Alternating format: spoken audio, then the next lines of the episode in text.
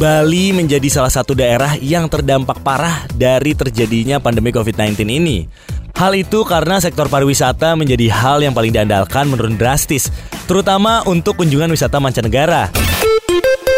Adele akhirnya memberikan kepastian tentang penampilannya di Brit Awards 2022 yang rencananya akan digelar pada 8 Februari mendatang kalau muda. Kalau mudah, nama Gundam jadi trending topik di jagat media sosial mulai dari Twitter hingga Google Trends.